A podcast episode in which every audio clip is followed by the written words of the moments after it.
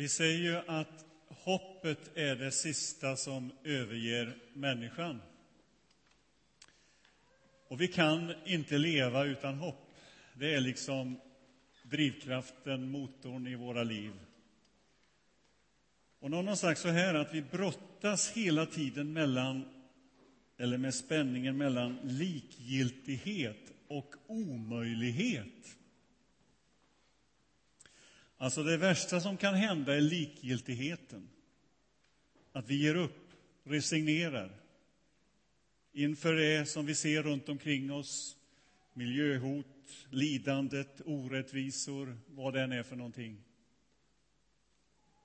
Och Martin Luther Kings mest kända uttalande eller citat är ju den verkliga tragedin är inte de onda människornas handlingar utan de goda människornas likgiltighet. Och därför så behöver vi hela tiden exempel, ledstjärnor, ljus som på något sätt leder oss in mot det omöjliga. Alltså, det omöjliga kan ske.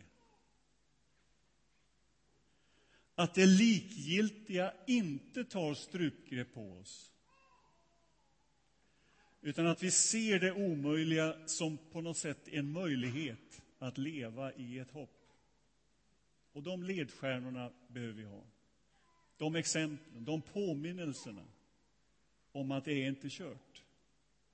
Det är inte hopplöst. För några år sedan så gav man ut en broschyr som handlade om att ge organ till sjukvården. Och på den stod det om du dör. Inte när du dör. Och det är ju typiskt för vår tid på något sätt att döden har blivit undanträngd.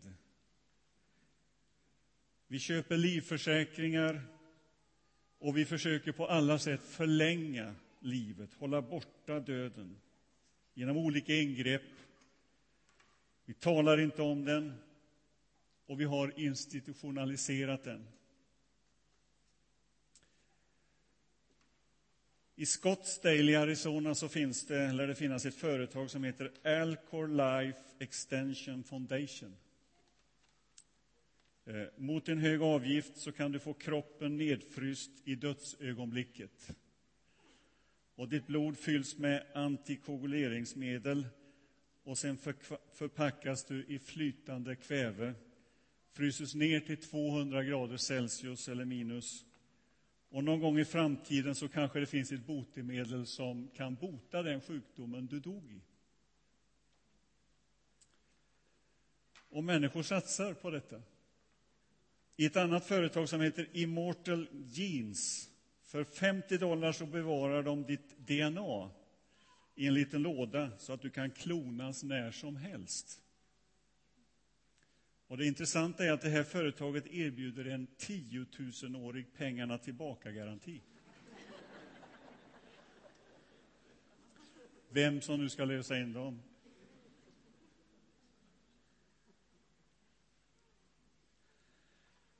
Döden jagar oss frenetiskt. Och vi gör allt för att hålla den undan. Och det är ju helt naturligt. Absolut.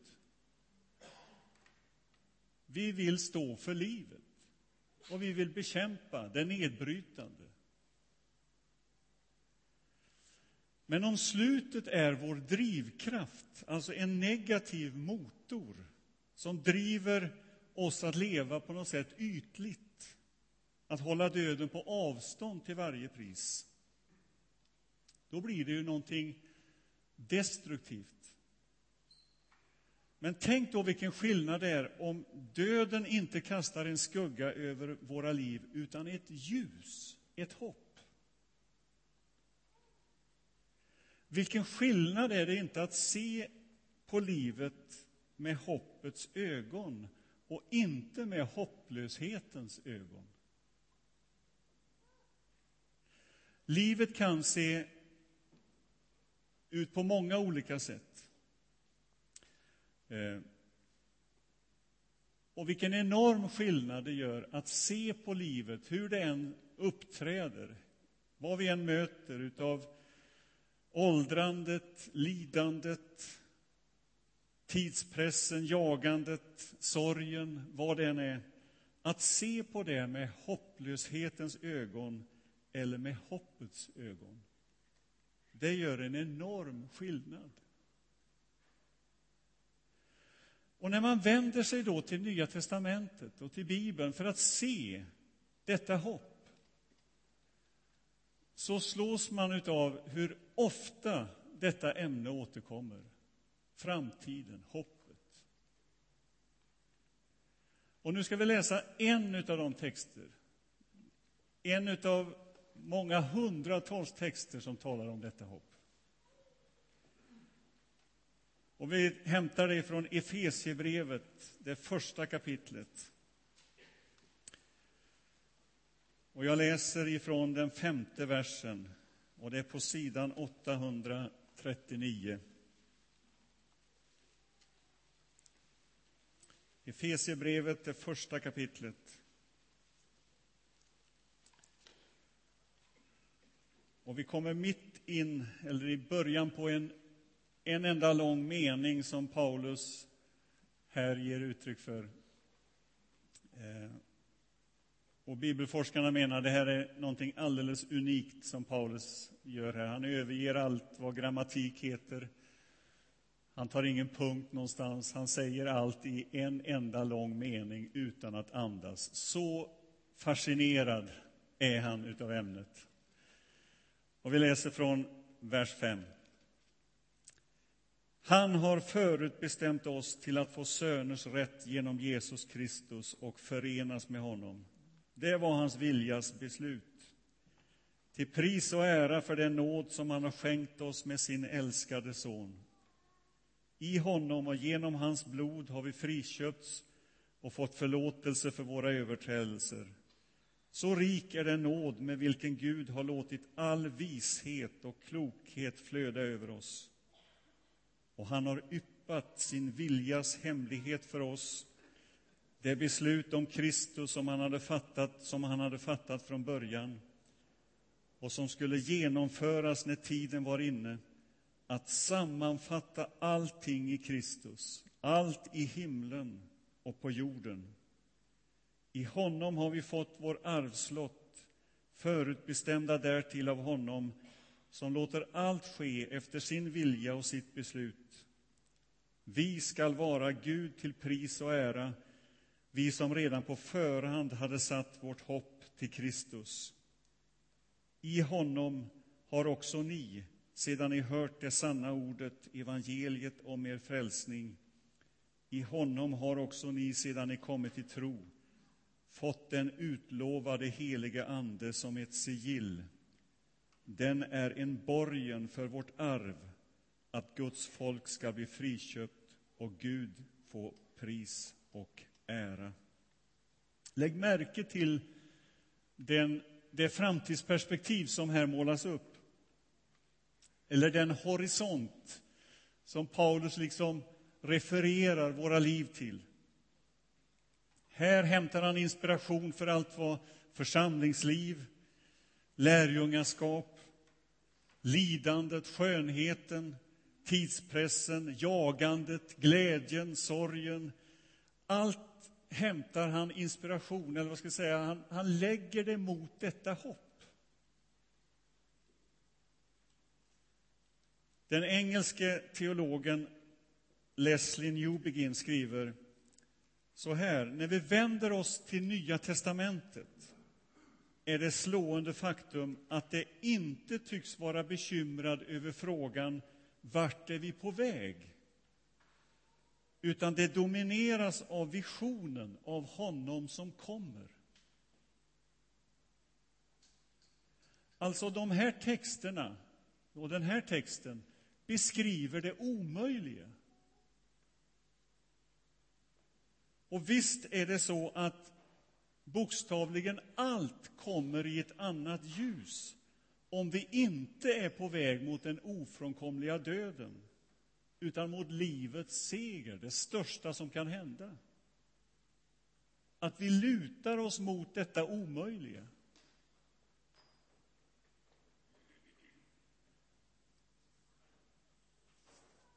Ofta så får vi frågan när vi har alfakurser här i församlingen att eh, vad är egentligen poängen med detta med Jesus?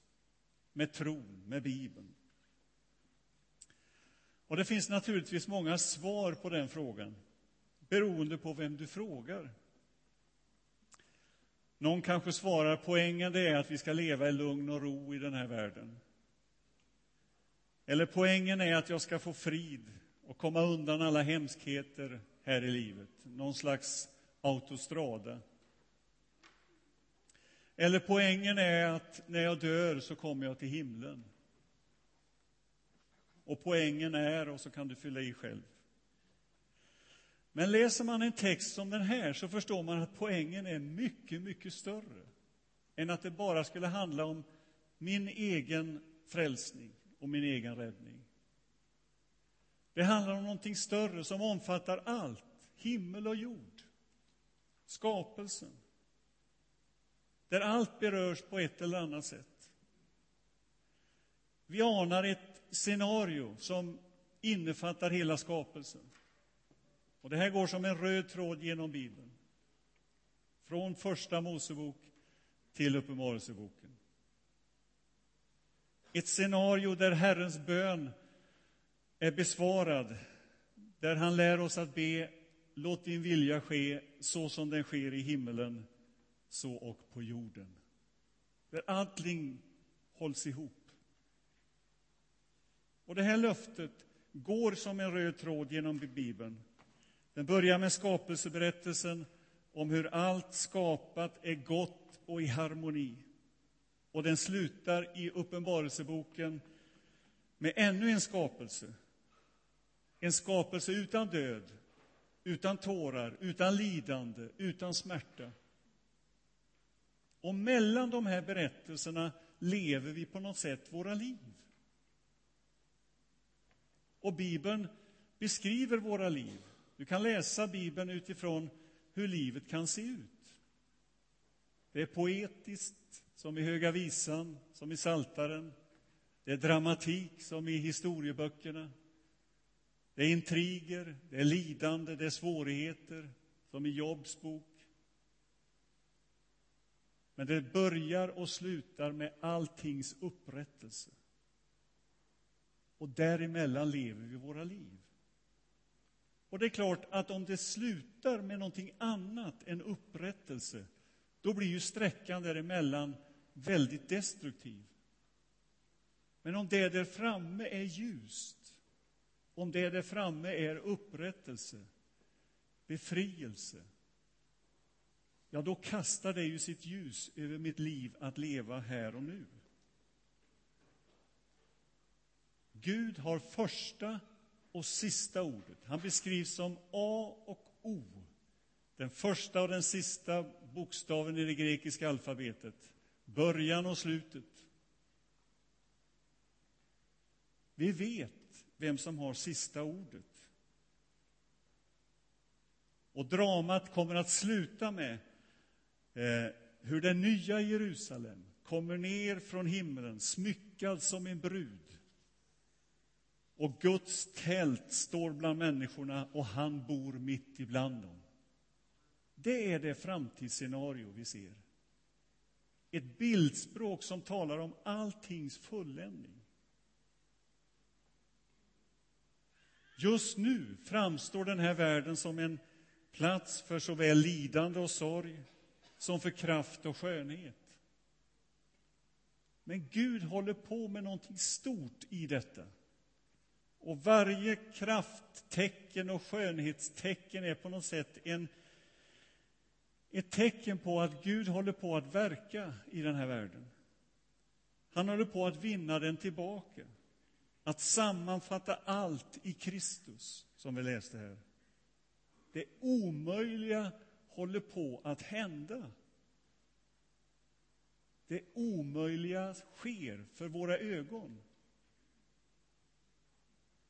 Och detta har han framför allt visat i någonting som ligger bakåt i historien. I Jesu liv, i hans död och i hans uppståndelse. Jesus kom och tog upp den här kampen mot döden. Han värjde inte för den. Han gick till och med igenom döden, uppstod, besegrade döden. Och en dag så ska hela skapelsen räddas från fångenskapen, från förödelsen, från förruttnelsen, från döden. Och den räddningsaktionen pågår för fullt i den här världen. Och Gud använder sig av många olika redskap, många olika sätt att återvinna det han har tänkt. Och bland annat använder han sin församling, sin kyrka. Vi får vara hans medarbetare i den här världen och vara med i denna fantastiska uppdrag att återställa det som han har tänkt från början. Och i den här framtidsvisionen som Bibeln målar upp så är Jesus den centrala gestalten. Han är den som liksom allt kretsar kring.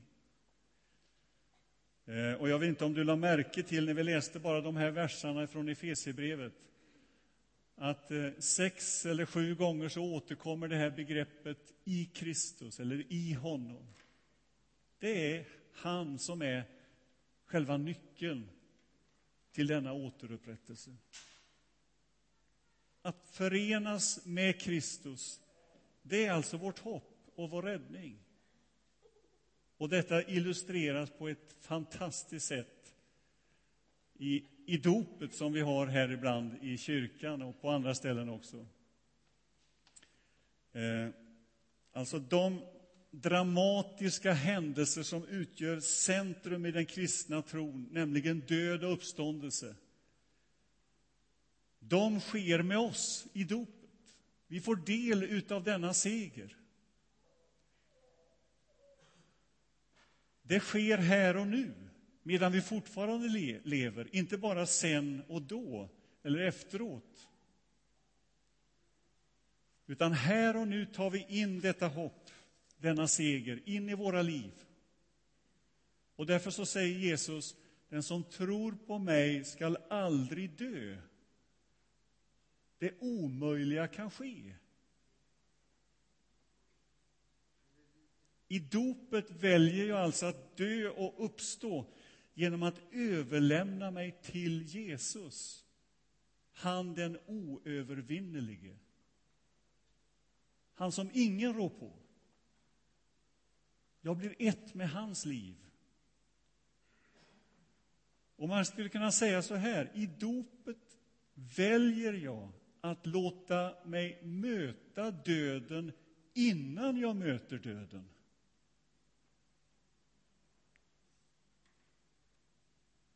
Var ni med på den? Alltså, innan jag möter döden så har jag mött den i Jesu död och i hans uppståndelse. Jag blir ett med honom. Och det är därför som Paulus använder det här uttrycket i Kristus.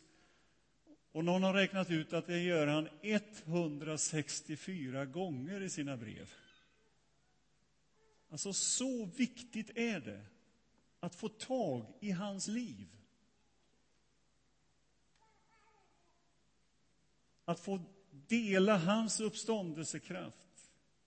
Att få tag i detta att han har förutbestämt oss till att få söners rätt.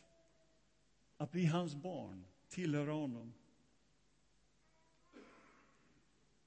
Och den framtid som vi då väntar på och ser fram emot, som vi liksom lever våra liv inför, den framtiden, den får jag redan nu börja leva i. Ta in i mitt liv. Se på allt det jag möter genom den framtidsvisionen och genom det livet.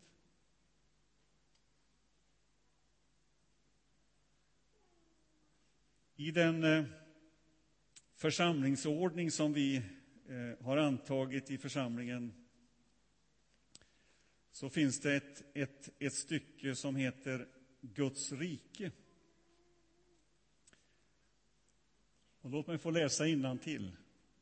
Vi tror att det kommer en dag när Jesus återvänder, när hela skapelsen befrias från ondska och Gud slutför sitt försoningsverk. Vi väntar på en framtid när Guds rike ska genomsyra allt. Och denna framtid försöker vi leva ut redan här och nu. Och vi ber och verkar för att Guds vilja ska ske på jorden så som i himlen. Och därför vill vi vara till välsignelse där vi bor och för de människor vi möter. Väldigt bra skrivet. Alltså, det handlar om att leva ut detta hopp. Att leva i det, ta till sig det. Jesus som dog och uppstod bor i oss. Hos Jesus är det omöjliga möjligt och tillgängligt. Och för att vi ska veta att hoppet lever, att hoppet inte bara stannar vid en from förhoppning, så har han gett oss den heliga Ande. Och det avslutar Paulus det här stycket som vi läste med. Han talar om anden utifrån tre perspektiv. Den utlovade anden, alltså den som Gamla testamentet talade om och lovade skulle komma. Han griper tillbaka i historien, i tiden. Hela historien finns med, den utlovade anden. Den är ett sigill. Och ett sigill i det här fallet betecknar tillhörighet. Den gör att vi vet att jag tillhör honom. Jag är ett med hans liv. Han har satt sin stäm, eller sitt sigill, sin stämpel på mig. Och det tredje, den är en borgen för vårt arv. Eh, vilket har ungefär betydelsen förlovningsring, alltså ett tecken i nuet på något som ska komma i framtiden. Vi vet redan nu och anar det som ska komma. Den heliga Ande suckar, beder, väntar, hoppas i våra liv att en dag så ska allt återställas och redan nu har det börjat att ske. Jag sa det här om dopet. Eh, och jag ska be att Katarina kommer upp till mig. Katarina, välkommen. Eh, Katarina var med i en alfakurs i våras och eh, hon döptes här i somras. Hon är alltså en som har valt döden och valt att dö och uppstå med Jesus. Och jag, nu kommer det några bilder här från dopet i somras också. En vacker augustikväll i, eh, på Sjöatorp eh, med sjön där. Vad var det som gjorde att du ville bli döpt, Katarina? Här får du en mikrofon. Ja, det är svårt att säga. Det kom inifrån, en längtan som var där ganska länge. Och sen ville jag att det skulle vara ett överlämnande. Och det blev det. Du var ju väldigt... Eh, här, här döps du.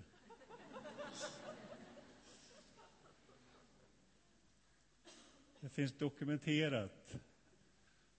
Och så ber vi om den heliga Ande. Så kommer det någon bild mer, tror jag. Och där händer någonting. Vad händer här? Ja, jag simmar. Och ni ser att jag försöker ta ifatt henne på något sätt, eller få tag på henne. Alltså det, det blev en sån fantastisk upplevelse när vi var där. Eh, vad gjorde det med dig, dopet?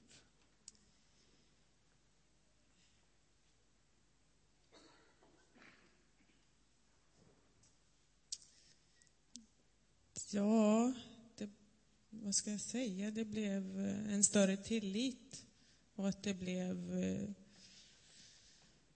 att det kändes som innan hade jag gått på två vägar som blev en inuti.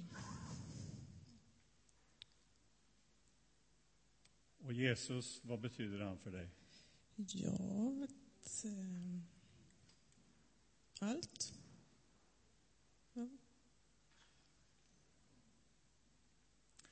Du var ju väldigt tveksam från början. Eh, försiktig, begrundande, tänk, tänk, efter innan du sa någonting. Eh, och när du sen ringde mig i mitten på sommaren här och sa att nu vill jag bli döpt, då förstod jag, ja nu har hon tänkt väldigt länge.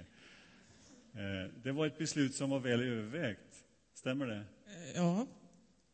Själva längtan fanns ju där från lång tid, men, men själva just att jag ville att det skulle bli ett överlämnande gjorde att jag var tvungen att, att det var tvungen att ta lång tid.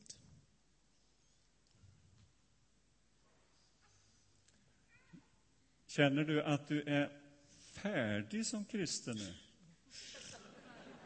Nej, inte alls.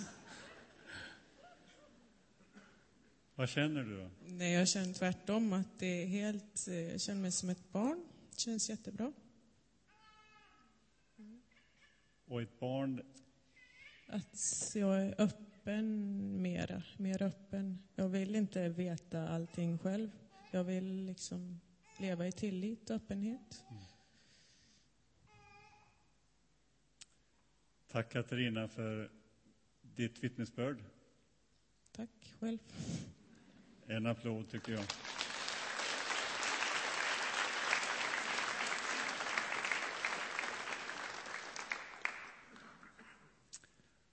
Att få del av det här livet som Jesus vill ge oss, det är fantastiskt. Och det är det som är vårt hopp. Att få leva i det hoppet, att leva i hans liv och hans liv får leva i oss. Och det är möjligt.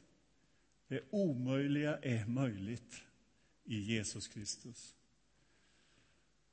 Och när vi om en stund här går in i nattvarden och i den rörelse som blir här inne i kyrkan så kan du också få liksom ta det här steget mot Jesus, eller till Jesus. Att öppna ditt liv för honom, samtala med någon eller be tillsammans med någon och säga jag vill leva livet med Jesus. Jag vill ha del av det här hoppet, den framtidsvisionen. Jag vill ha del av det livet som övervinner döden, övervinner det destruktiva. Och det får vi genom Jesus Kristus. Låt oss be. Tack Gud för det hopp som du ger oss i Jesus Kristus. Tack för eh, att det är tillgängligt för var och en av oss. Tack för att vi får eh, av nåd ta emot det, fritt och förintet. Tack för eh, Katarina, för hennes liv, för hennes bekännelse, hennes tro. Tack att du är med henne och välsignar henne. Tack att du leder oss var och en. Att du vill gå vid vår sida. Att vi vill låta det här hoppet få prägla våra liv, vårt tänkande, och syn på omgivningen, och syn på oss själva. Tack för att det sporrar oss till tjänst för ditt rike. Amen.